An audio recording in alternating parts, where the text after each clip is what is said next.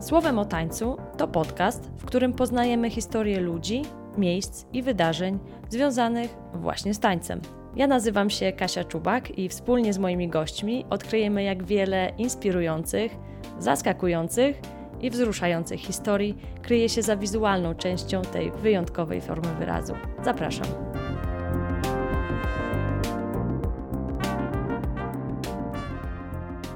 Dzisiaj jest ze mną Ania Hagowska, absolutna ikona w świecie salsy, która przez ponad 20 lat swojej działalności tanecznej stworzyła wiele wyjątkowych projektów, które rozwijają scele tańców latynoamerykańskich oraz afrykańskich w Polsce oraz promują Polskę na świecie. Prowadziła formacje taneczne, tworzyła choreografię, współtworzyła warszawskie studio tańca Salsa Libre, szkoli tancerzy i instruktorów. Obecnie jej na- najważniejsze zawodowe projekty to El Sol Festival, Warsaw Zouk Festival oraz Kiz Affaires. Prywatnie mama dwójki dzieci i poliglotka. Cześć Ania. Hej. Cieszę się, że udało nam się spotkać. E, Mój ostatni odcinek, który nagrywałam, to był El Sol, e, Mhm. na którym też miałam przyjemność uczestniczyć. Dzisiaj trochę sobie też o nim opowiemy, więc cieszę się bardzo, że tutaj jesteś, e, że nam o sobie opowiesz i że w ogóle tworzysz takie fantastyczne wydarzenia. Dziękuję, mi jest miło, bo zazwyczaj ja siedzę po drugiej stronie i ja pytam różnych ważnych ludzi o ich, e, o ich życie i e, myśli, poglądy, doświadczenia, więc e, dzisiaj miło jest być tą osobą, którą interesujesz się ty, więc coś mogę opowiedzieć o sobie tym razem. Zaczynamy od początku, czyli o tym, gdzie zaczęłaś tańczyć i jak to się stało, że salsa i w ogóle taniec stał się Twoim sposobem na życie. Postaram się krótko. E, Zaczęłam tańczyć w Lublinie w ognisku baletowym. No, moi rodzice mieli mnie tylko jedną, więc wysyłali mnie na różne zajęcia. Ten balet też miał być taki trochę terapeutyczny dla moich nóg, dla stóp, płaskostopie. Wiadomo, kiedyś to się leczyło jeszcze jakimiś butami ortopedycznymi. Teraz się mówi, że bardziej stopa ma się po prostu rozwijać i wzmacniać. No więc ci moi rodzice przerażeni, że płaskostopie, no to na balet. I, I tam jak 6 lat miałam, to pamiętam, że tańczyłam już w teatrze spektakl, znaczy mieliśmy numer po prostu jako najmłodsza grupa. Mamo, proszę kup mi pieska. Śpiewaliśmy, może być łaciaty albo jakiś tam. Potem miałam przerwę w balecie, bo zaczęłam jeździć na łyżwach i wróciłam mając chyba 10 lat. Tak, nie powiem, żeby to jakieś było pasjonujące, E, ale potem e, zostałam dostrzeżona przez e, Białorusinkę. Przyjeżdżała taka pani Wala na, na miesiąc, tak gościnnie, trochę lepiej tam poduczyć, poduczyć nas w tym ognisku baletowym. I ona mnie wybrała do jakiejś takiej y, zaawansowanej grupy, tam kilka dziewczyn, takich jakichś, no nie wiem, z predyspozycjami może większymi. I wtedy, jak zostałam w taki sposób zauważona, to ja pokochałam ten taniec. Tak od 11 lat mniej więcej naprawdę się zaangażowałam. I y, to było śmieszne trochę, bo nie do końca miałam warunki do tej e, klasyki. I nigdy nie rozumiałam, jak mówi natchniona twarz, natchniona twarz. Myślę sobie, Boże, co to znaczy ta natchniona twarz? No jest taka aura nie? w tym balecie. Ja, ja na przykład super tańczyłam tańce charakterystyczne, rosyjskie, polskie, e, węgierskie, bo tam power, uśmiech, taki, takie były żywsze dla mnie, więc w tym się zawsze realizowałam. No i w międzyczasie tam w Lublinie była spora ekspozycja na alternatywną sztukę. Mm, Były e, teatry e, alternatywne działały i też teatr ruchu. I tam organizowano sporo wtedy mm, takich przedsięwzięć, właśnie warsztaty były z tancerzami współczesnymi. E, Joe Alter, takie nazwisko znane, przyjeżdżał dużo ze swoją ekipą. Potem taka wizjonerka też Iwona w e, Krakowie. Pamiętam, że godzinami się tam tarzaliśmy po ziemi, badaliśmy zakresy bioder, e, więc jakby dużo takiej świadomości ruchu zyskałam już jako nastolatka, nie do końca to rozumiejąc, no ale jednak dużo to dało. I potem na, e, pojechałam właśnie do, do Bursy na festiwal w Bytomiu tańca współczesnego, to taki jest słynny w tych kręgach. I tam przyjeżdżały ekipy, trochę tak jak mój festiwal, prawda, z całego świata. I była taka grupa wenezuelska, performance, taki, to był taki odlot lata 90., gdzie ta sztuka się tak wyłaniała, Polska jakby wpuszczała też ludzi, prawda, już, już nie, to nie był PRL, był taki, takie zachłyśnięcie się w ogóle czymś nowym. I pamiętam, że tam oni chodzili na tej scenie na golasa. Niektóre tam moje koleżanki były zgorszone, że dlaczego te cycki. No jakoś, ja na przykład nie myślałam jakoś tak, starałam się myśleć, mając tam 16 lat, że to jest jakiś, jakiś zabieg, nie? O coś chodziło. I facet sikał na przykład na tym spektaklu. No, pewnie chodziło o jakieś łamanie zasad, nie do końca rozumiem. W teatrze powszechnym by się... Tak. I ta wenezuelska grupa, jedna dziewczyna prowadziła, tam, były, tam był balet, jest współczesny, jazz, modern, taka technika współczesna, taka, a ona y, zrobiła tańce latynoamerykańskie. I merengue, cha-cha-cha, właśnie salsa. I ja jakoś bardzo, bardzo czułam to, bo zawsze miałam szerokie biodra, niewysoka byłam. No, więc w tym balecie to tak Moja przyjaciółka miała długie ręce, długie nogi, wąską miednicę i tak naprawdę ona była super, a, a mi tam nie starczało ciągle. A nagle w tych właśnie w tych tańcach, nie, poczułam, że ja jakoś jestem w, w sobie, nie? W swojej energii, do, do mojej anatomii to jest do, dopasowane. No bardzo mi się spodobało, a w ogóle interesowałam się południem, e, bo e, uczyłam się mm, na Malcie angielskiego w wakacje. No więc tak mi ciągnęło trochę do tych takich słonecznych kultur. I pamiętam potem, jak się uczyłam do matury, już, już, y, no już liznęłam tych tańców latynoamerykańskich, ale nie było gdzie tego tańczyć, bo to tylko jakieś latino towarzyskie istniało. To y, tata mi z delegacji przywoził płyty Putumayo, były takie y, world, world music. I, ja właśnie słuchałam już tych tam Buena Vista, to był ten czas, że, że zaczynała ta, ta muzyka się tak popularyzować. I potem na taką salsę, jaką my znamy, socjalową, taką party i tak dalej, to trafiłam mając 18 lat w Berlinie, gdzie uczyłam się niemieckiego do, jeszcze byłam w, w klasie maturalnej, do egzaminów na studia, e, bo mi bardzo zależało, żeby się wyrwać z Lublina, więc ja się uczyłam naprawdę i chodziłam na korepetycje i, i chciałam więcej i dobrze zdałam te egzaminy, więc, więc mówiłam też, mówię biegle po niemiecku i wtedy pojechałam do szkoły niemieckiej i jakiś tam Włoch z tej szkoły językowej nas wyciągnął do klubu w sobotę. I ten klub był strasznie daleko, że jechaliśmy jakimiś jedno metro, drugie metro, potem jakiś bardzo długi spacer w śniegu, bo to był luty. I dotarliśmy do Havana Club. Przez taką tam bramę się przychodziło, ochrona uciszała tam, kto był, to, to wie jak to wygląda, że, żeby mieszkańcom nie przeszkadzać. No i tam był, wchodziło się, szatnia, bar yy, i był parkiet salsowy. Na górze był parkiet merengue z baciatą Czyli tak się trzymało się, nie? Dominikana na górze, tutaj e, salsa, no to raczej Kuba chyba wtedy. I, I jeszcze był parkiet house i hip-hop. No i ci moi znajomi oczywiście przyszli na to inne. A ja tam weszłam, zobaczyłam tych wirujących ludzi. Do dzisiaj mam obraz, jak tańczył e, facet taki Ian z dwiema dziewczynami. Jedna miała rude włosy, Waleska z Berlina, która bywa też na festiwalach. Z taką Krystyną i on je kręcił. I tak te czarne włosy, jedna miała, druga miała rude, tak się, tak ten wir, ta zabawa, tak mnie pochłonęły. Koleżanka nauczyła mnie e, basicu tej salsy, bo miała chłopaka e, Kolumbijczyka, ona była Amerykanką. I ja po prostu, ktoś mnie tam wziął w obroty, ja całą noc tańczyłam, ja tylko myślałam sobie raz, dwa, trzy, pięć, sześć, siedem, raz, dwa, trzy. No i wiadomo, że jakoś tam ciało miałam do tańca przygotowane po tym balecie, więc się pewnie łatwo, no łatwo było mi się wbić. I tylko tak się trzymałam tego rytmu, żeby nie zgubić. Przytańczałam całą noc. I potem wracałam do tego Berlina już, już sama. Jeździłam z, z plecakiem. E, wtedy nie było tanich lotów. E, ja musiałam z Lublina przyjechać wieczornym pociągiem. Stałam chyba trzy godziny na centralnym, który był wtedy no, takim zapyziałym miejscem niebezpiecznym. Stałam z plecakiem 90 kilo na ramionach. Nie odstawiłam go, bo się bałam, że mnie okradną. I na stojąco z tym plecakiem czytałam książkę przez trzy godziny po to, żeby wsiąść do nocnego pociągu do Berlina. Więc był taki poziom determinacji. Mm. I twoja e, historia salsowa dalej chyba ciągnie się przez Niemcy, czyli tak nietypowo. E, tak. nietypowy kierunek do przywiezienia e, latynoamerykańskich tańców no to prawda. Do, do Polski. Znaczy tam po prostu było sporo mhm. emigrantów i, i jakby istniała ta społeczność.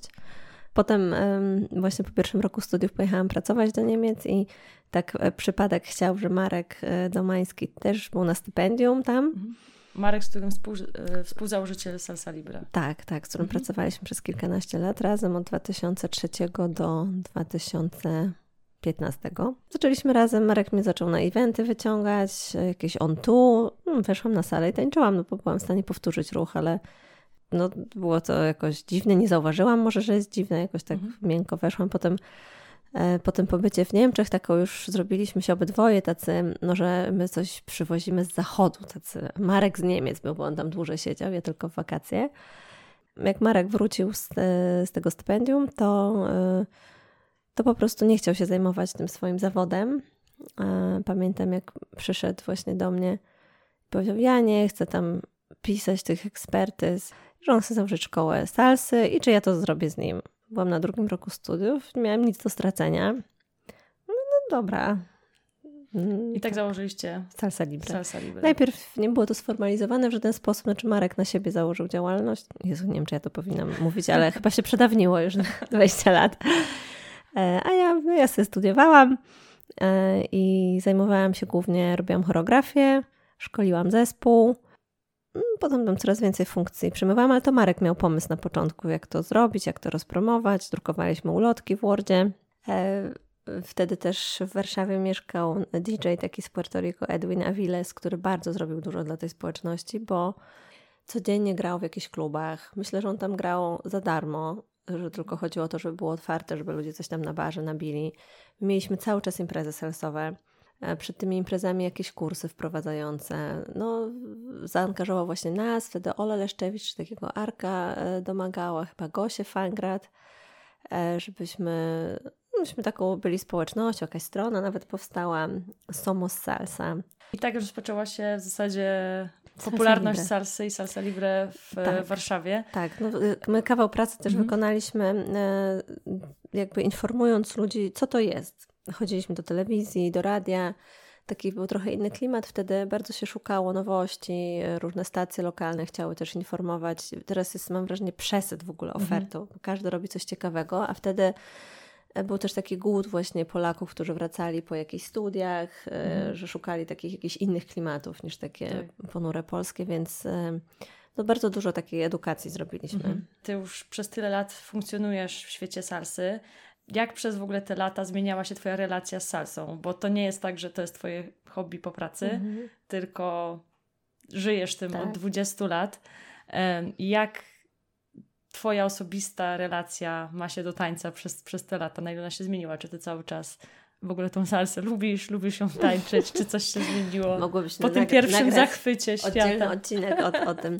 Um, tak, zmieniało się bardzo. Ja jestem jedynaczką w ogóle, bardzo taką mm, wychowaną w dyscyplinie i mm, bycie z grupą, bycie z ludźmi, ta zmiana w parach cały czas, no to mi trochę mi taką zastąpiło rodzinę, że ja nie miałam takiego doświadczenia, że coś się robi w ekipie.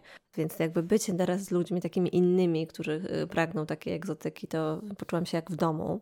Potem e, bardzo ważną osobę spotkałam, e, Agnieszkę Domańską, która była byłą e, solistką Teatru Narodowego, już, już nie tańczącą, ale ona tak naprawdę dała mi ramy też dla tego mojego talentu, żeby ułożyć choreografię. Ty wymyślaj, ja będę ludziom, ludzi pilnować, no bo to ludzie muszą się potem nauczyć, formacja tego, była taką moją asystentką, kostiumy wymyśliła, Gdzieś razem muzykę chyba wyszukałyśmy, jeździłyśmy do kolegi, żeby nam zmontował, więc miałam wsparcie. Marek budował jakby skalę tego, że był dobry w e, zarażaniu zwykłych ludzi. Tworzył od podstaw nie, tą ekipę, a ja mogłam wtedy wśród tych ludzi jakby tworzyć, wyszukiwać jakichś najbardziej utalentowanych. Ja bardzo chciałam tańczyć, bo ten taniec był zawsze dla mnie taki wyszarpany, Chciałam pójść w profesjonalnym kierunku, chciałam pójść do szkoły baletowej, rodzice mi nie dali. Może to dobrze dzisiaj, jak tam czytam o tym, co tam się dzieje, e, ale zawsze czułam, że tak muszę, muszę go sobie wyszarpać. No więc wreszcie czułam, że, że wyszarpuję, że dostałam, że przez jakiś czas mogę żyć życiem tancerki. Pierwszy kryzys przyszedł, jak e, pierwszy zespół mi się posypał. To przeżywa każdy, kto zakłada e, jakąś szkołę czy jakąś ekipę. Czasem to trwa parę lat, że ludzie robią się niewdzięczni, e, że nie chcą, że odchodzą. Wtedy też bardzo się obwiniałam, ale to jest takie naturalne e, życie grupy czy jakiegoś procesu grupowego, że się spotyka na jakiś czas, bo, bo jest wspólny cel, wspólna potrzeba, a potem zmieniają się te potrzeby. Jak ja sobie teraz uświadamiam, że jakby ten kryzys zespołu już jak był taki ostry, to tak, Jedno chciało tańczyć na fuchach, e, na fuchach w Polsce, drugie nie chciało na fuchach firmowych tańczyć, tylko chciało w międzynarodowych kongresach. Jedno było ekstrawertyczne, drugie bardzo nieśmiałe, bardzo dużo taki występ kosztował tą osobę zawsze. jeden pracowity, drugi leniwy. Jak był taki moment, że wszyscy chcieli tego samego, no to, to działało, a potem się zaczęło, ty to na źle prowadzisz, a ty, ty jesteś złym liderem, a my to byśmy chcieli inaczej, no ale jak się próbowałam do tych oczekiwań dopasować, to ktoś inny był niezadowolony. Jedni chcieli po południu, drudzy chcieli rano. Jedni chcieli ćwiczyć w weekendy, inni w tygodniu. No po prostu a ja byłam też wychowana tak do dopasowania się do oczekiwań. To był straszny kryzys, bo ja po prostu, co bym nie zrobiła, to było źle. Wtedy jeszcze nie wiedziałam, że jako lider, no to jest tak, że człowiek wyznacza jakiś kierunek i, i ci ludzie idą za tym albo nie idą, tak? A nie, że się pyta wszystkich, y, co by chciał, bo to zwariować można. No i jak ten pierwszy zespół się y, posypał, ja postawiłam nowy, dalej tam tak w mobilizacji takiej i to się dało i ten zespół był większy, ale tak sobie pomyślałam wtedy, to był chyba właśnie 2007 rok taki miałam kryzysowy, bo nogę złamałam na scenie i musiałam usiąść na tyłku, żeby się regenerować. Miałam operację tam na tą stopę, miałam naderwane ścięgna i yy, pękniętą kość w śródstopie i yy, no i wypadłam trochę z tego pędu tanecznego.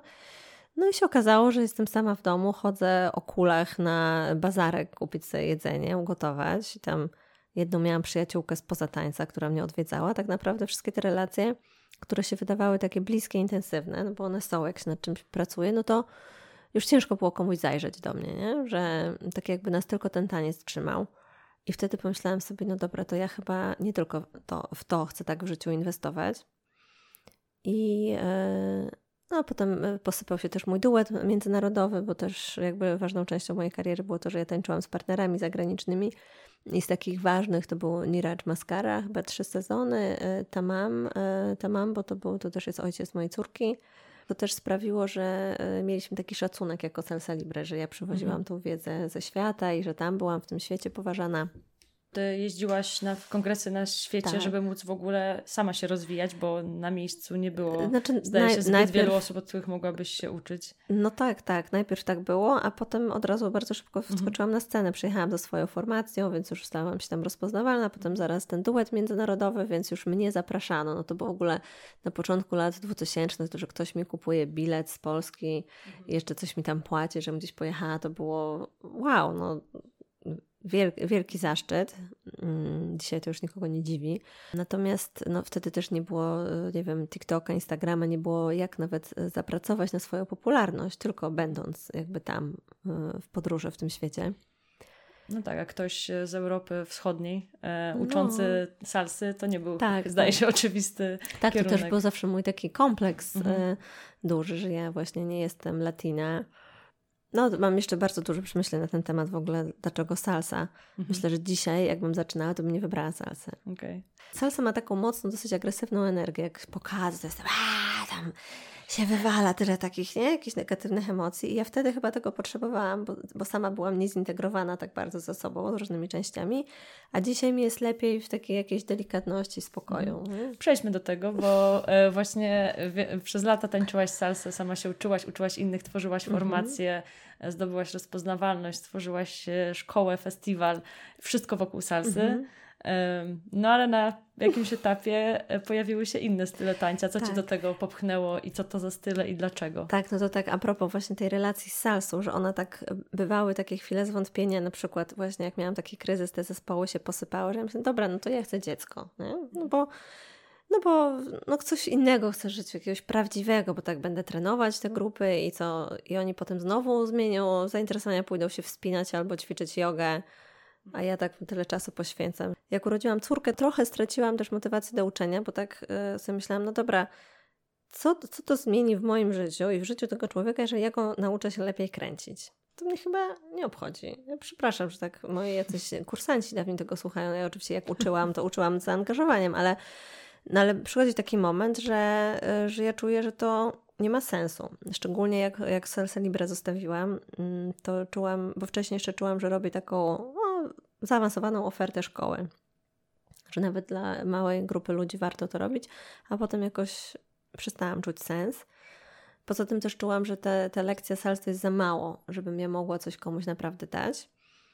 To też a propos nowych poszukiwań Mhm. Więc, więc jakby tak potem jak urodziłam e, córkę, to musiałam się trochę pożegnać z tą sceną międzynarodową, bo, bo ciężko mi było to wszystko pogodzić. Zaczęłam tańczyć e, bardziej lokalnie i ludzie przestali pamiętać, że ja tańczę. Czasem jest tak, że ktoś o może jak ty tańczysz? Ja mówię, no hello. um, że myślą, że pani organizator to jakaś, nie wiem, starsza pani. A ja jestem sercem cały czas tancerką, tylko y, zbudowałam sobie firmę też po to, żeby nie musieć żyć bezpośrednio z tańca, mhm. y, że, że wolę tę, tę rolę przedsiębiorcy, a taniec dla siebie niż tą wieczną presję. No I właśnie jak urodziłam córkę, to, y, to potem zapragnęłam coś potańczyć innego i kiedyś w Surinamie, jak byłam na, na salsowym evencie, prowadziliśmy zajęcia, występowaliśmy z moim partnerem wtedy, ojcem Nadi, to zobaczyłam tego zuka brazylijskiego, bo to blisko Brazylii. W ogóle myślę Jezu, jaki fajny flow, jak mi się to podobało. No tam dużo też tego release, właśnie e, kontrakcji, no to ja w tym modern jazz mhm. to dużo na tym pracuję, czy współczesny. I to e, jakaś była taka moja energia. Ściągnęliśmy wtedy instruktora z Holandii na tydzień e, tutaj do Warszawy, żeby nas podszkolił i tam e, właśnie uczyła się Renata Popis, Michał Wysoczański, tego Zuka, Asia Zwierzyńska, Rafał Krakowiak jeszcze. Mhm, czyli ta Pierwsza ekipa, ekipa. Pierwsza ekipa. Tak. Asia u mnie była i właśnie mówiła, że była taka pierwsza. Tak. I ja potem prowadziłam z Rafałem jeszcze pierwsze zajęcia. No i potem przyszedł taki moment, że trzeba się było dalej doszkalać, bo my tego jednak umieliśmy bardzo niewiele. Przez no dobra, no nie mogę robić wszystkiego i oddałam pole też, przestałam zajęcia prowadzić i wtedy powstała e, formacja, zaczęli właśnie tam w tej ekipie tworzyć bardzo fajne rzeczy. Ja przestałam zuka tańczyć, wróciłam do salsy, teraz wracam do Zuka, to też ma bardzo y, dużo wspólnego z anatomią i w ogóle z tym, jak pracuje kręgosłup. Ja teraz się pasjonuję bardzo pilatesem i przygotowaniem motorycznym i, i będę chciała to włączyć też w ofertę festiwalu, mhm. bo y, często jest tak, że robimy kroki, powtarzamy coś, no ale na przykład mamy zablokowaną jedną stronę w miednicy albo coś w łopatce i ile byśmy nie ćwiczyli, to ciągle nam to nie będzie wychodziło, bo tam na przykład nie ma przestrzeni w kręgosłupie. I ja z tym zukiem tak miałam, że wszystko, co było przez otwarcie tutaj góry, już miałam skoliozę, miałam taką pokurczoną klatkę, to było dla mnie tak, tak niewygodne, że jakoś nie chciałam. A, a teraz, przez to, że prawie dwa lata przećwiczyłam na tych reformerach i tam właśnie się wzmacnia nogi bardzo, od, od te, szczególnie tylne mięśnie, E, elastyczność miednicy, kręgosłupa, to teraz ja w ogóle jestem w stanie poczuć przyjemność z tego. I tam jest dużo tego otwarcia, właśnie to gardło, nie? ta klatka, więc wracam do złuka, znowu tańczę. E, a w międzyczasie, w, w COVID-zie, pokochałam Kizombę, z którą też miałam styczność od wielu lat, już Kizomba jest w Polsce, ale tak jakoś poczułam, tak jakbym potrzebowała na tym etapie życia, podoba mi się ta bliskość w tańcu, E, zależność od siebie, bo tam jest tak, że jak partner wykona minimalny ruch, to partnerka na to reaguje, e, więc nie jest tak, że każdy ma swój basic i co on nie poprowadzi, to ja dotańczę, mhm. E, tylko naprawdę jesteśmy od siebie zależni. I ten spokój, ta taka energia trochę medytacyjna, bo tam czasem się dużo dzieje, czasem się mniej dzieje, trzeba bardzo być w tym momencie i bardzo się człowiek robi responsywny na jakieś mikroruchy. To śmieją się właśnie tancerze innych styli, no tam stoicie, nic nie robicie na takiej zombie. Tak, tak to z boku wygląda. Tak może się wydawać, natomiast no, e, na przykład jak tak, żeby tak stać przez godzinę nic nie robić, no to tam się tańczy bardzo różnymi partiami mięśni. Są mikroruchy takie, których tak nie widać ze środka, mhm. E, natomiast to jest no bardzo takie właśnie medytacyjne, jeszcze się czuje energię drugiej osoby i się zyskuje kontrolę nad, e, nad detalami. Mhm. Nie? Minimalna rotacja miednicy, bo tam w salsie chyba wszystko jest takie duże, to tutaj ja musiałam bardzo długo ograniczać swój ruch, żeby on był bardziej w środku i to też jest ciekawe doświadczenie, że nie, nie robimy spektaklu, nie jesteśmy do oglądania, że wszystko wielkie, tylko właśnie zminimalizować. E, I, I to też jest na ten moment jakoś ten rodzaj nie na, nie na pokaz, tylko dla siebie mhm. jest spójny z moją energią. Ja oczywiście salsę zawsze będę kochać, bo ja zęby na tym zjadłam. Tylko jestem taka wybredna. Ja chcę takiego mieć partnera do tej salsy, który mi da coś przeżyć, my coś zaimprowizujemy. Mm, nie chcę się tańczyć figur na przykład, mhm. więc y, też jestem... Przepraszam bardzo, tak, jeżeli mnie słucha ktoś, kto tak, do, do Ani trzeba podchodzić, jak się chce improwizować. Tak. A nie I, wytańczyć figurki. I z, I z czułością. I tak, żeby coś właśnie w tym tańcu też z siebie dać, a nie tylko tak wyobracać. Mhm. Więc ta moja ścieżka właśnie z tą salsą, wiesz, jeszcze w międzyczasie biznes, ona... Ciężko mi to w ogóle tak streścić. Ca cały, czas, cały czas się przewija tak naprawdę i różne style na różnym etapie życia możesz sobie dopasować do swojej osobistej energii. No ciekawe jest to, co mówisz właśnie, że tak naprawdę tyle lat y, próbujesz tańczyć różne style i teoretycznie można powiedzieć, że no tak, jesteś tancerką, tańczysz, a cały czas dzieje się coś innego, coś nowego, mm. że to ma swoją dynamikę przez te lata. No. też właśnie w kontekście Twojego życia osobistego. Właśnie zatrzymajmy się tutaj mm. na chwilę w kontekście tego, jak to jest prowadzić no jednak e, firmę i tańczyć, co wiąże się oczywiście z pracującymi wieczorami, z wyjazdami. No nie jest to praca od mm. 9 do, do 17. Masz dwójkę dzieci, mm. no ale sobie świetnie z tym radzisz, więc mm. powiedz, jak ty sobie w tym modelu, jak ty się w ogóle w tym modelu odnajdujesz i jak udaje -hmm. Ci to łączyć? No to jest temat, który też jakby ma szersze społeczne takie znaczenie, nie, nie tylko w tańcu. Ja próbowałam, ale no, pewnie ze względu na swoje różne dysfunkcje nie udało mi się stworzyć takiego modelu rodzinnego. Ja chyba w ogóle nie upatruję szczęścia trochę w takim życiu 2 plus 2. Mhm. To znaczy pewnie, no nie wiem, z wyjątkową osobą, z którą byśmy się świetnie rozumieli, może tak, ale ja czasem jak patrzę na przykład na rodziny, które siedzą na ławce, w, dziecko się bawi, to myślę sobie, jak już ten ojciec by tu był, to ja bym poszła tańczyć. Po co tak razem siedzieć? No ale może nie zaznałam takiej miłości, a, a być może jest to też styl życia, no bo tak sobie wyobrażam, że jak ludzie chodzą do jakiejś firmy y, i pracują, kończą o 17, to się spotkają na tej ławce, prawda? Mhm. Popatrzą na dzieciaka, e, a ja jestem, jak ja jestem, to jestem non-stop, E, bo, bo też przez to, że mam wolny zawód, to z tymi dziećmi mogę w dzień coś robić, wożę ich po lekarzach, więc no tak jestem e, naprawdę, więc bym chciała też odpocząć potem, nie? jak mhm. ktoś może mnie zwolnić. I w ogóle podoba mi się układ e, takich rozwiedzionych rodziców, no pod warunkiem, że facet jest zaangażowany, ojciec, że jak jestem, to jestem na 100%, a jak mhm. jest on, to ja na 100% odpoczywam. Oczywiście mam jeszcze starsze dziecko, więc to tak nie do końca jest, ale tak miałam wrażenie, że w takim życiu rodzinnym to i tak to na matkę spada. I, i tutaj jest też moja taka ogromna niezgoda na brak partnerstwa, na seks, jestem strasznie wyczulona. E, szczególnie po moim małżeństwie zrobiłam się już hiper wyczulona. Na to, ile kobieta ma na, sobie, na siebie wziąć, a facet uważa, że mu się krzywdę dzieje, jak coś musi. Oczywiście marzę właśnie o partnerskim związku i widzę, że takie są. Trochę to moje pokolenie jest stracone, bo, bo ci faceci tacy po 30 teraz już są bardziej, mam wrażenie, e, pozdrawiam wszystkich panów, e, dojrzałych emocjonalnie mężczyzn przede wszystkim. Ja e, że już trochę, nie wiem, wychowani przez pracujące mamy, już troszkę mają co innego w głowie, ale tacy właśnie 40-latkowie w moim wieku, no to albo żyją w szczęśliwych związkach i wykonali swoją robotę nad przemodelowaniem wzorców, no albo są kompletnie nie, nie do życia, więc, więc ja raczej nie w takim modelu właśnie rodzinnym, więc jestem szczęśliwa ze swoich wyborów. Zresztą ja, ja tych moich partnerów zostawiałam, bo, bo po prostu nie chciałam żyć w samotności w relacji, to wolałam całkiem. I e, no, oczywiście są koszty, moje dzieci ponoszą koszty Chociaż jak, jak właśnie mężczyzna jest obecny, mieszka gdzieś w Warszawie, to ja na przykład nie, nie widzę, żeby mój syn cierpiał. No mhm. wiadomo, kosztem jest to, że nie może się położyć przy mamie i tacie spać. No ale możemy czasem pogadać, pobawić się razem, więc gorzej było z moją córką, jak ojciec wyjechał za granicę i to jak ona miała się z nim spotkać, to musiała się ze mną rozstawać i zresztą on po, po prostu też nie, nie wykonywał jakoś za bardzo wysiłku, więc to było bolesne bardzo wtedy. Teraz tak nie odczuwam tego ciężaru. No a praca, no na przykład moje życie artystyczne, jak, jak e, dopóki moja córka nie poszła do, do przedszkola, to mogłam udawać jeszcze, że w weekend to jest dla mnie poniedziałek, środa, to ja jestem w podróży, a jak przyjeżdżam i inni idą do pracy, to poniedziałek to jest nasza niedziela, nie? Że to tak odwrotnie. I okej, okay, no bo niania przyszła raz wieczorem, raz mhm. rano, raz wcale.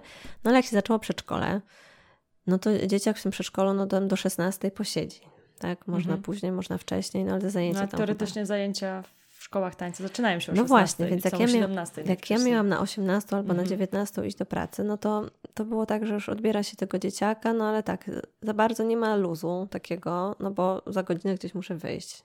Więc zamiast się gdzieś bawić po drodze, nie wiem, kogoś odwiedzić, no to do domu ciśnienie, bo tutaj y, niania musi przyjść. No i no i się nie poczyta tej książeczki. No dobra, raz w tygodniu, tam jeszcze prowadziłam zajęcia chyba dwa razy w tygodniu, poniedziałki i środy, ale potem zaczynałam odczuwać ciężar tego, no że jeżeli ja jeszcze chcę wyjechać na weekend albo jeszcze pójść do kina, czy zrobić coś dla siebie, no to ja po prostu nie kładę jej spać. Jeżeli y, jest y, ojciec dziecka nie zaangażowany, partner, no to powiedzmy, że tatuś jest od układania spać.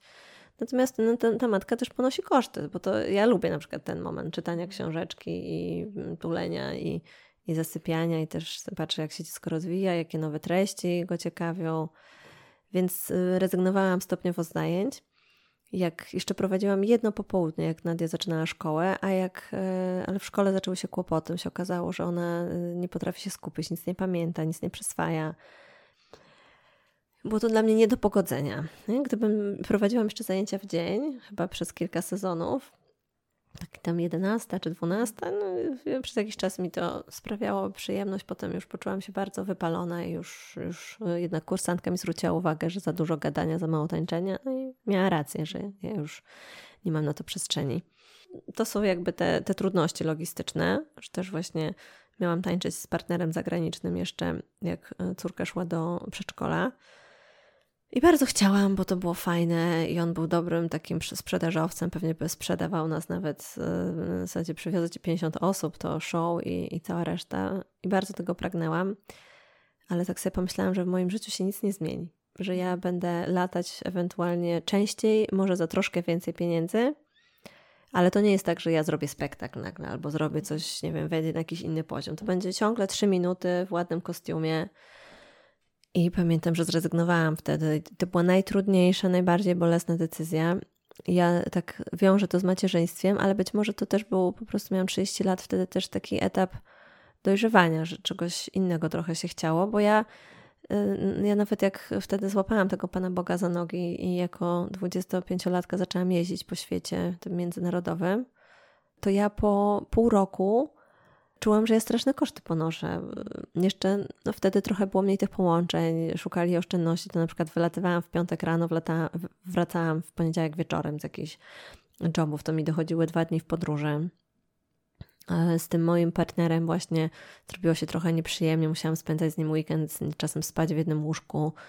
No już nie żądaliśmy oddzielnych pokoi, ale chciałam twin, E, przychodziliśmy na to już nie ma twinów, nie będzie. Dla mnie to było straszne. Nie? Mhm. Że nie, no tak, no bo no. wyobrażam sobie, że będąc na przykład w związku z inną osobą, a no. mieć partnera tanecznego z nim jeździć, no to no właśnie, to jeszcze, nie jest łatwe. żeby to jeszcze właśnie było tak jak dzisiaj, tacy najwięksi profesjonaliści często żądają mhm. oddzielnych pokoi, no chyba, mhm. że się lubią, prawda, no ale to różne te relacje są, one czasem są takie, że tutaj w kamerze namiętność, a, mhm. ale jest to tylko układ biznesowy, nie? nie chcieliby spać w jednym łóżku. No wtedy tak, tak nie było i no i jeszcze poczułam, że, że ja będę tą córkę znowu zostawiać i że nic nowego nie zbuduję i ja po prostu bardzo szybko powiedziałam, że ja chcę jeździć tylko raz na miesiąc, więc ten duet też się trochę zaczął rozwalać, bo nową partnerkę tam sobie wziął, no i potem już, już było trochę, która pojedzie, no, jakieś tam szantaże, już było to niewygodne, ale że ja szybko tak naprawdę będąc młodziutka powiedziałam, że to są za duże koszty. Ja zarobię tyle na, na sali po prostu w swojej szkole.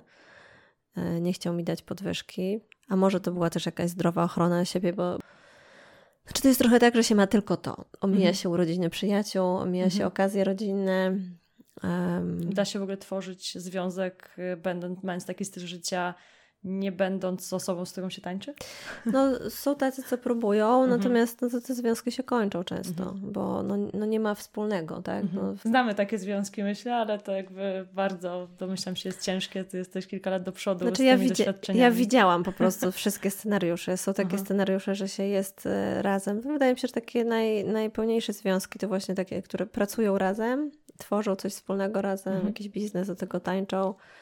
E, to jest ok. No czasem na przykład jest tak, że super e, są parą biznesową, no ale jednak prywatnie jest hardcore, że się rozstają.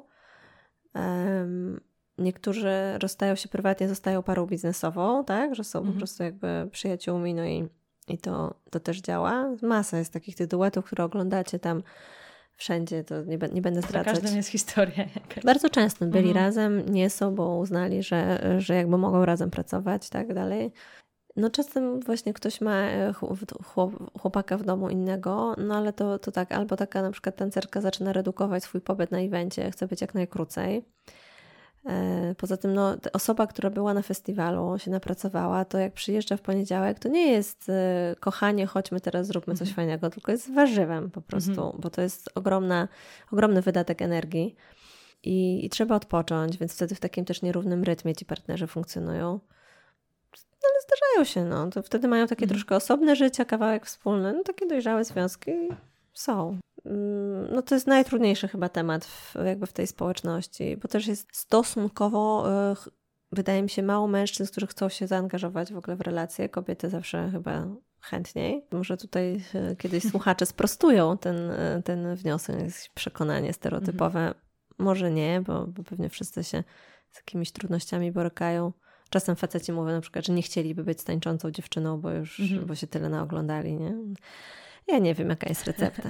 Nie, wiem. Ja to, nie szukamy, nie szukamy. Ja to, teoretycznie to ja to wymarzyła o takim partnerze dla siebie, który na przykład miałby swoją dziedzinę sztuki, którą by mhm. bardzo kochał.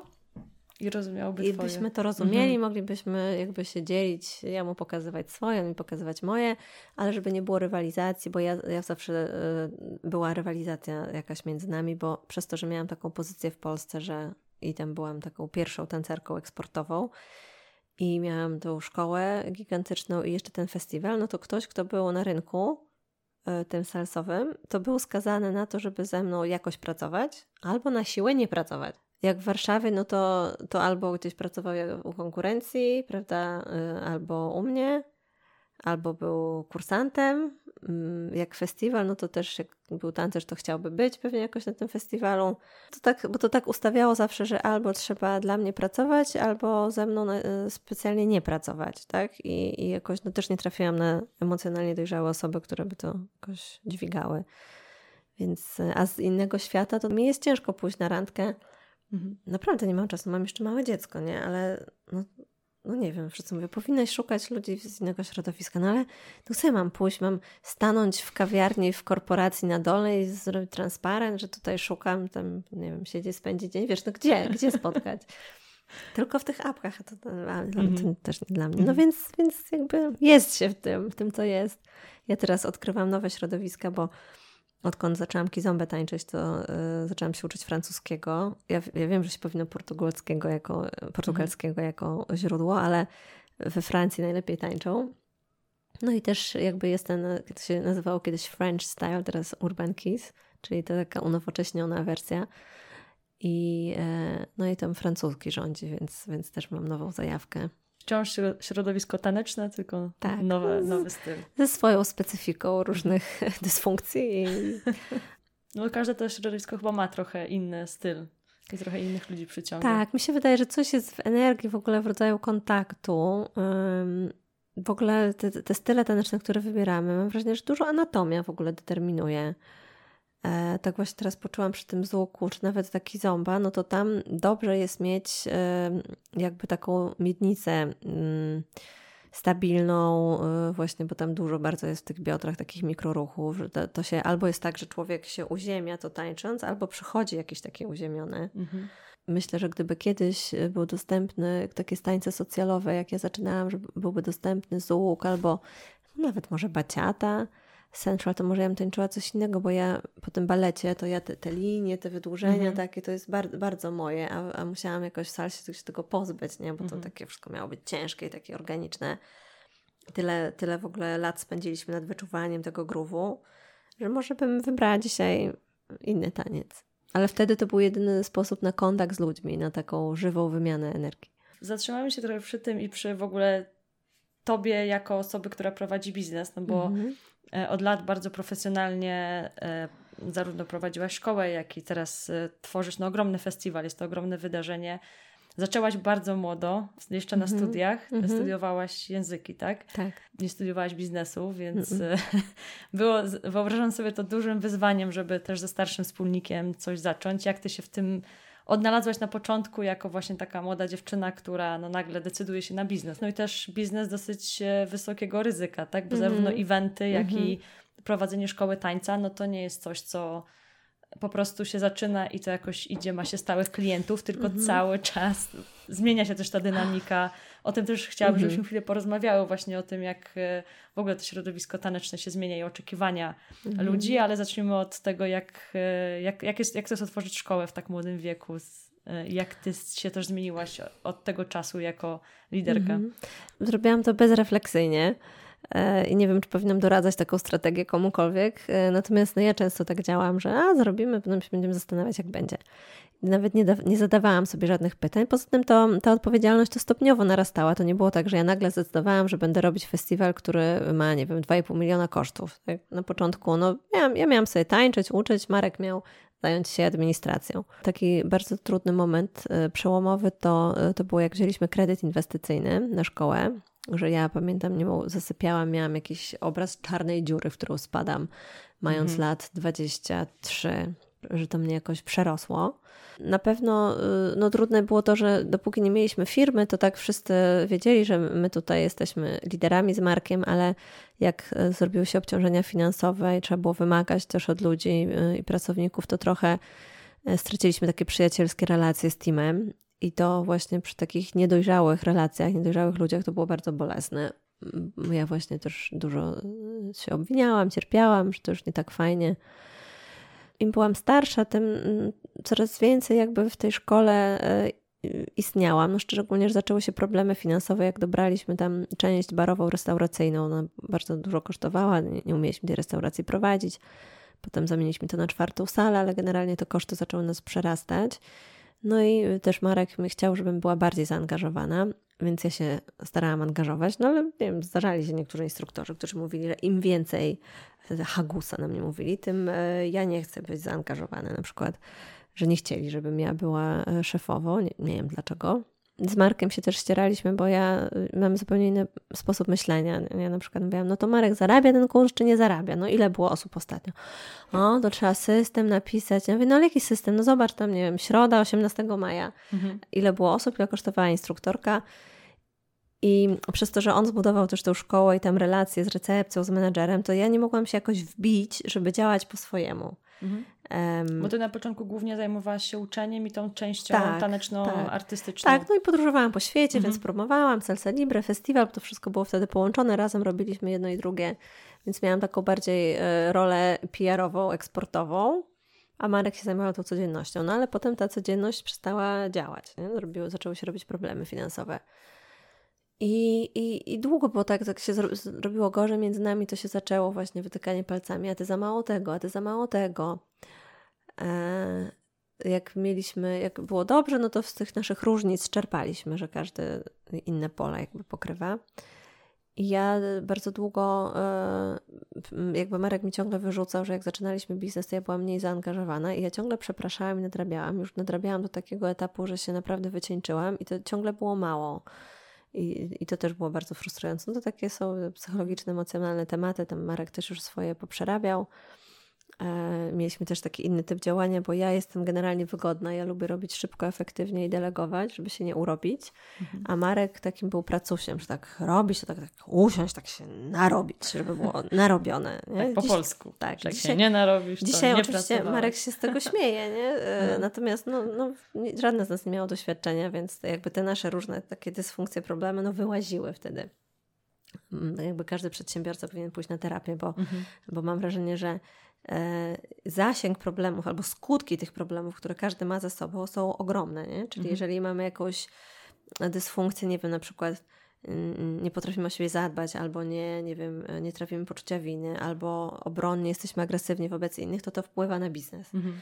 Więc e, szczególnie, bo jak, jak człowiek e, jest po prostu w jakichś relacjach, to krzywdzi tych najbliższych i siebie, a tutaj jeszcze biznes można skrzywdzić mhm. i mieć pretensje do całego świata. Więc ja jestem bardzo wdzięczna za to, że na terapię trafiłam wcześniej jakby ciężko było mi z Markiem, bo, no bo facet starszy, to mi się wydawało, że on wie lepiej, a więc jakoś zaczęłam czuć się, że ja jestem jakaś leniwa, jakaś nie taka tam sporo krytyki na mnie spływało, że tak, no to tak sobie fajnie tańcz i super, że tak cię można pokazać, ale, ale tutaj firmą to się nie zajmuj. Nie? W końcu nas po prostu do, tak e, finansowe problemy dotknęły, że ja już po prostu powiedziałam ani dnia dłużej i też w międzyczasie przejęłam zarządzanie festiwalem w pełni, bo kiedyś robiliśmy to ekipą, ktoś tam robił logistykę, ja zawsze robiłam sprzedaż i ten kształt artystyczny, więc ja się nigdy nie zajmowałam detalami zaczęłam chyba w 2009 roku, jak byłam w ciąży, to tak intensywniej pracować nad samym festiwalem i zaczęłam sobie dobierać zespół, więc to już taki był mój projekt. Jak przyszły te nasze problemy, to ja uznałam, że ja, ja, ja wezmę festiwale i zrobię po prostu z tego dla siebie pieniądze, żeby jakoś na siebie zarobić. Marek niech weźmie szkołę, no bo tak też tak było, tak pracowaliśmy de facto. I to było bardzo fajne rozstanie. Trudne, mhm. bo mieliśmy spółkę cywilną. Ludzie, kochani, nie zakładajcie spółek cywilnych, jak bierzecie na siebie finanse, bo potem jesteście umoczeni całym majątkiem, bo jak jest spółka, to można zgłosić upadłość. Tak. Wiadomo, wizerunek się traci i tak dalej, no ale jednak e, nie przyjdzie bank po głośniczek, prawda, żeby sprzedać, mhm. bo, bo są jakieś zaległości, więc, więc my w tej spółce cywilnej, tam cesję tego przedsiębiorstwa robić, to naprawdę było trudne, trwało miesiącami i to mm, pomagał prawnik, przyjaciel mojego taty, bo rynkowa cena za taką usługę to było 15 tysięcy i pewnie, i pewnie kolejne, żeby w ogóle się przekształcić, żeby z tego wyjść.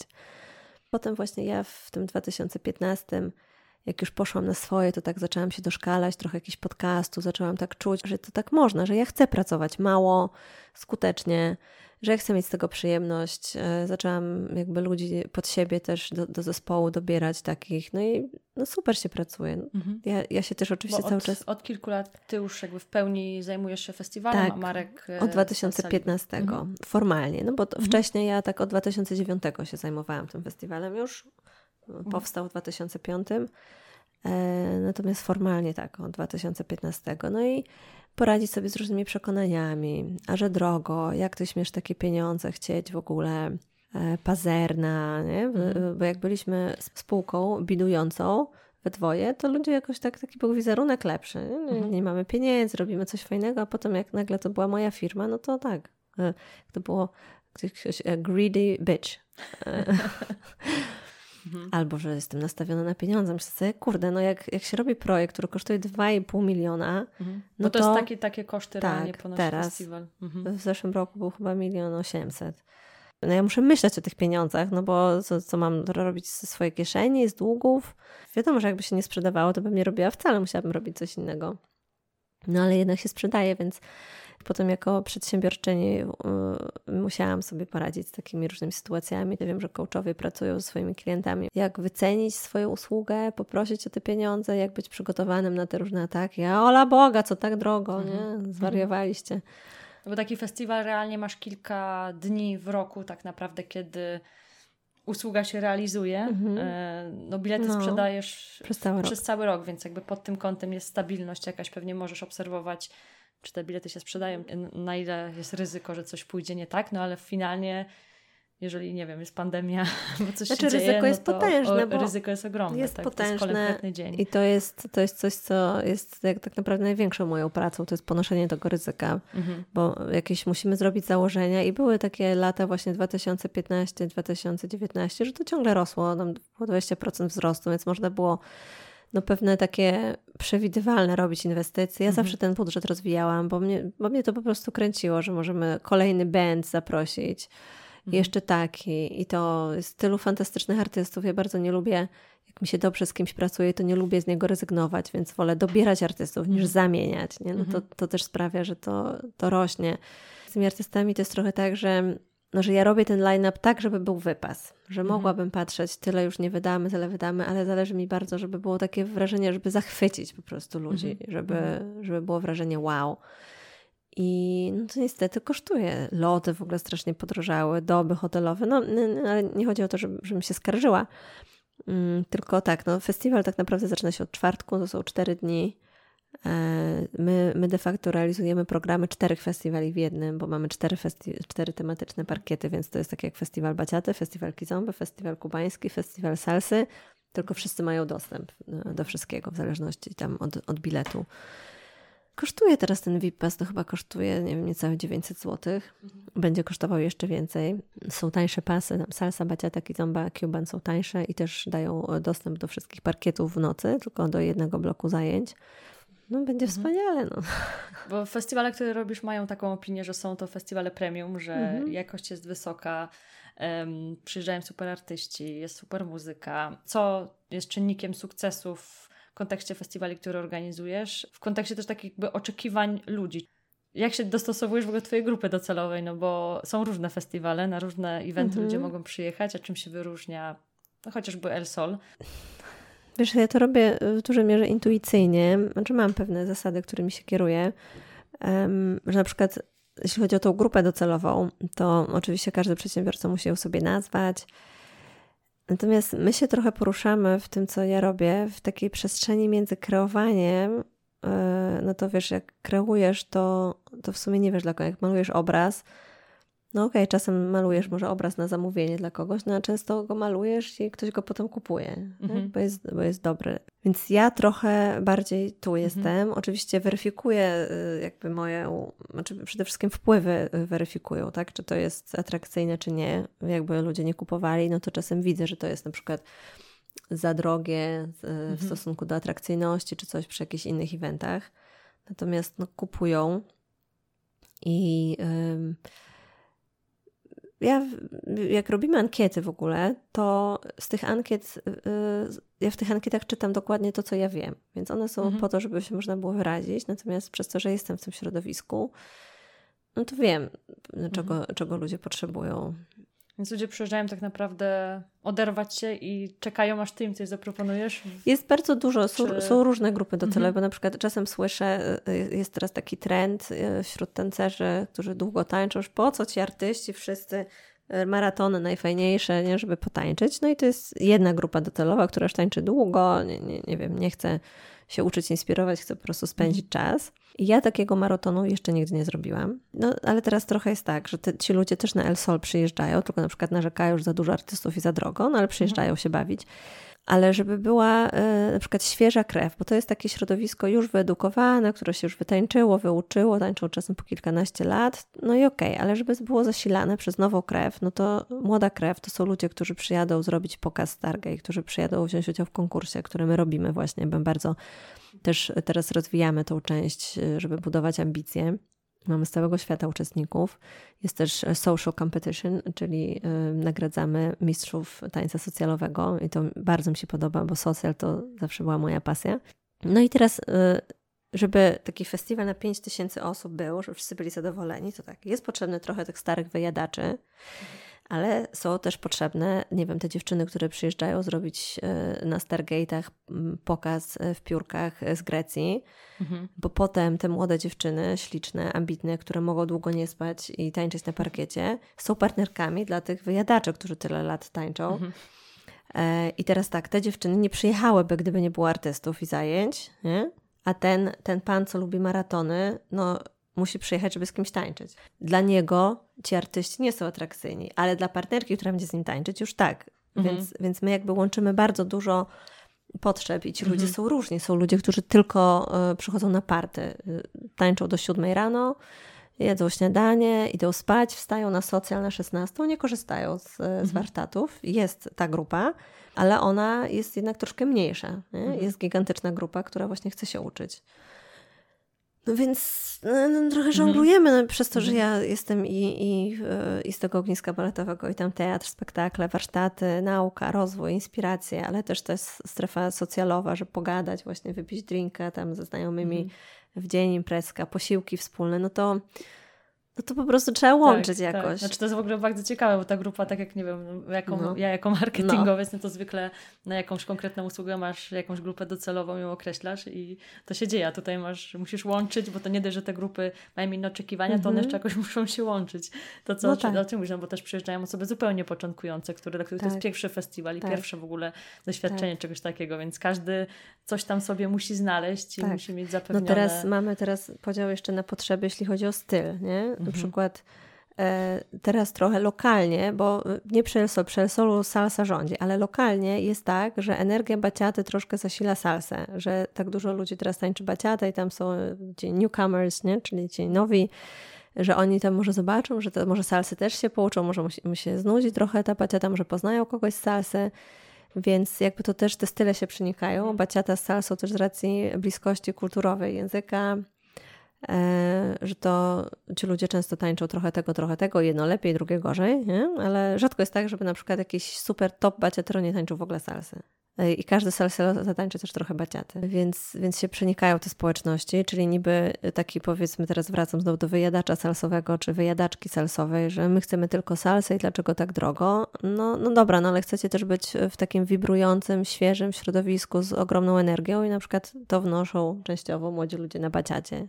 Więc my się musimy mieszać. No to, to tak jak jest, najzdrowsze osobniki są genetycznie pomieszane, nie? dlatego mhm. mieszanie raz w ogóle jest to dobrze, nie? potem tak. zdrowe dzieci się rodzą, więc mieszanie też tutaj e, stylów, upodobań, e, w tym jest rozwój, inspiracja. Więc ja też mam taką misję, no żeby tym ludziom pokazywać trochę tego, trochę tego, że każdy ma swoją ofertę oddzielną, żeby jakby skorzystać mhm. z tego bloku, no ale można pójść pooglądać. Najgorszy problem jest jak na Kizombę przychodzą dziewczyny z baciaty i z salsy o czwartej rano odpocząć. I nie są tancerkami Kizomby, bo to jest, to jest, to się wydaje proste, ale to jest zupełnie inny sposób poruszania się, zmieniania ciężaru ciała i nasi na przykład goście i taxi dancers, których zapraszamy, żeby robili robotę na parkiecie kizombowym. Tam jest to ważne, bo się tańczy bardzo długo z jedną partnerką, więc dysproporcja jest bardzo bolesna, jak nie ma zmiany. E, co jedno, więc oni tam są i oni na przykład patrzą, a świeże mięso i łapią nie? Te, te dziewczyny, żeby tam je przyuczyć, a te tancerki kizombowe siedzą. Nie? No więc to jest na przykład e, problem z takimi otwartymi eventami, więc jak się robi event kizombowy, to wtedy wiadomo, że się panuje nad, nad, nad balansem. No tutaj Mogę tylko się postarać, żeby jak najwięcej tych dodatkowych facetów ściągnąć. Potem na przykład salseros, teraz szukając techniki salsy, no to tańczą tańce afrokubańskie. No i mamy, my mamy super ofertę afrokubańską z różnymi tam dziwnymi nazwami tych tańców. Bardzo, nie, nie że tylko afro-cuban dances, tylko jakieś tu arara, tu coś tam, więc naprawdę można się dokształcić. No i myślę, że po prostu bardzo dużych różnych potrzeb się realizuje. Mhm. A teraz jeszcze wpadłam na to i a propos kreowania, nie? że myślę sobie, no dobra, ja bardzo potrzebuję tego przygotowania motorycznego, te wszystkie dysfunkcje ciała odkrywać i, i pracować nad tym, jakie to mi daje możliwości, że ja 20 lat temu nie miałam takiego treningu. No i chcę wykreować zapotrzebowanie na to, chcę to pokazać. Pewnie mogłabym robić jakąś ankietę wśród, e, wśród ludzi, czy coś takiego chcesz, ale jest mi to łatwiej zrobić, wrzucając ofertę i zobaczyć, czy ktoś to kupi. Mhm. Najwyżej odwołam. Mhm. Poza tym ludzie też mm, piszą nie, bez sensu, albo tak, e, a nie kupią, bo chcą iść na zajęcia salsowe. To jakby nie jest dla mnie miarodajne. Dla mnie głosowanie portfelem jest e, miarodajne. Masz, masz super platformę i przestrzeń do tego, żeby tak naprawdę taki minimum viable product tam no. wrzucić. No tak, mhm. tak. I to na przykład pasjonuje mnie w tej pracy, mhm. że jak ja coś nowego odkrywam, to, to mogę też podzielić się z ludźmi, z, y, jakoś zarazić ich. Oni się tam nie zostaną mistrzami pilatesu po takim treningu parogodzinnym, mhm. ale można ich zainspirować, otworzyć im oczy, gdzie poszukiwać, nie? żeby mhm. się rozwijać. Że czasem już na przykład czujemy, że już się nie rozwijam w tej salsie. Nie? No, tak. Ty, no, ale też El Sol jest takim miejscem, gdzie ludzie przyjeżdżają, część ludzi przyjeżdża po coś nowego. No. Zobaczyć, czy coś, czego nie znają. Zaczęłaś mówić o tym, że 20 lat temu nie znałaś Pilatesu. Co powiedziałabyś sobie sprzed 20 lat? Jaką, czy coś byś zmieniła albo dała sobie jakąś radę, e, która by teraz sprawiła, że byłabyś e, może w innym miejscu albo w tym samym, ale w jakimś innym poczuciu? Czy jest, mm. czy jest coś, co 20 lat temu, gdybyś mogła szepnąć Ani 20 lat temu, hej, pamiętaj o tym, albo rób to, albo nie rób tego, to czy coś takiego by było? Próbuję sobie przypomnieć, jak miałam 20 lat. Boże, wiesz co, to jest strasznie trudne pytanie, bo ja, znaczy na pewno mam, mam w sobie trochę takiego poczucia niezrealizowania może, że mogłam być lepszą tancerką, że tak jak teraz patrzę na te kariery, wiesz, właśnie wow. Um, a ja byłam zawsze trochę taka rozdarta, że wiedziałam, że w tym tańcu, no to tak partner mi nie chciał zapłacić więcej niż 100 euro za weekend. Co ja tak będę inwestować w to?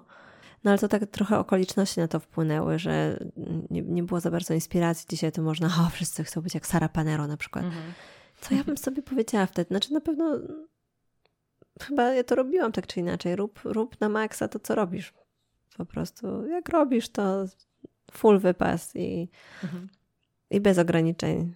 Mhm. Najwyżej będziesz się zbierać z podłogi. No. To jest taka chyba moja domena życiowa. A na przyszłość? Jak tyle już zrobiłaś, jakieś jeszcze masz konkretne plany i marzenia w krótkim albo w długim terminie? Wiesz co, ja mm, mm bardzo chciałabym się y, dzielić tymi różnymi moimi przemyśleniami i mam, tak, mam taką też dobrą intuicję, jak przyjaciołom czasem pomagam, doradzam przez to, że wiele lat byłam w terapii psychoanalitycznej że, że jak słyszę nie, jakiegoś, jakiś problem, to ja widzę, że na przykład ta osoba ma problem z zależnością. Mówię, to zależność cię taka wkurza, tak? W jakimś, w jakimś czymś, że jesteś zależna od kogoś, e, kto jest na przykład e, niekompetentny, a macie w szachu jakoś. I ja i oni mówią, Jezu, tak, to było takie trafne na przykład, że tak, że tak chciałabym móc z tymi moimi obserwacjami, wrażliwością, inteligencją jakoś, jakoś użyć jej, wiesz, tak, żeby tak żeby pomagać, żeby, żeby czuć, że to nie jest tylko dla mnie. Natomiast nie, nie wiem, czy ja chcę być terapeutką. Trochę się boję siedzenia i słuchania i takiego jednak e, braku wpływu na to, co pacjent robi finalnie. więc być może w jakimś mentorskim kierunku bym się zrealizowała. Tak patrzę na ten rynek trenerów biznesu, to też nie do końca, znaczy nie chciałabym występować jako taki mędrzec, że ja wiem jak, ty to kup ty to, i, będzie, i będzie super, nie? Mam wrażenie, że jednak pomaganie to jest poszukiwanie i dużo, dużo niewiadomych. E, być może odpalę El Sol Business Academy kiedyś i, i sama sobie stworzę jakieś tam rzeczy, które mhm. uznam za, za ważne, e, żeby w tym środowisku właśnie się wzmacniać. Chciałabym stworzyć, e, czy chcę, zrobię to tylko nie wiem, czy w 2024 czy 2025 El Sol Sensual Festival, żeby był bachata Kizomba Ja lubię te fuzje, chciała tańczyć różne rzeczy. E, I, I tak jak z tymi gatunkowymi wymianami czuję w, tym, e, czuję w tym sens. Nie lubię takiej wsobności, takiego ograniczenia. E, tylko właśnie teraz w, w tym klimacie, bo wydaje mi się, że bardzo dużo ludzi to tańczy i, i tak tej bliskości też potrzebuję. No, mam różne takie właśnie rzeczy mnie ciągną, ale nie mam dla nich jeszcze parkingu, nie mhm. mam dla nich struktury ale jak wiesz co, to pewnie, pewnie za jakiś czas, jak się spotkamy, to w jakiś tak. znajdziesz jakiś sposób, patrząc na to, ile stworzyłaś przez ostatnie lata. I tego, tego Ci bardzo serdecznie życzę e, i dziękuję bardzo za rozmowę. Dzięki. Dzięki.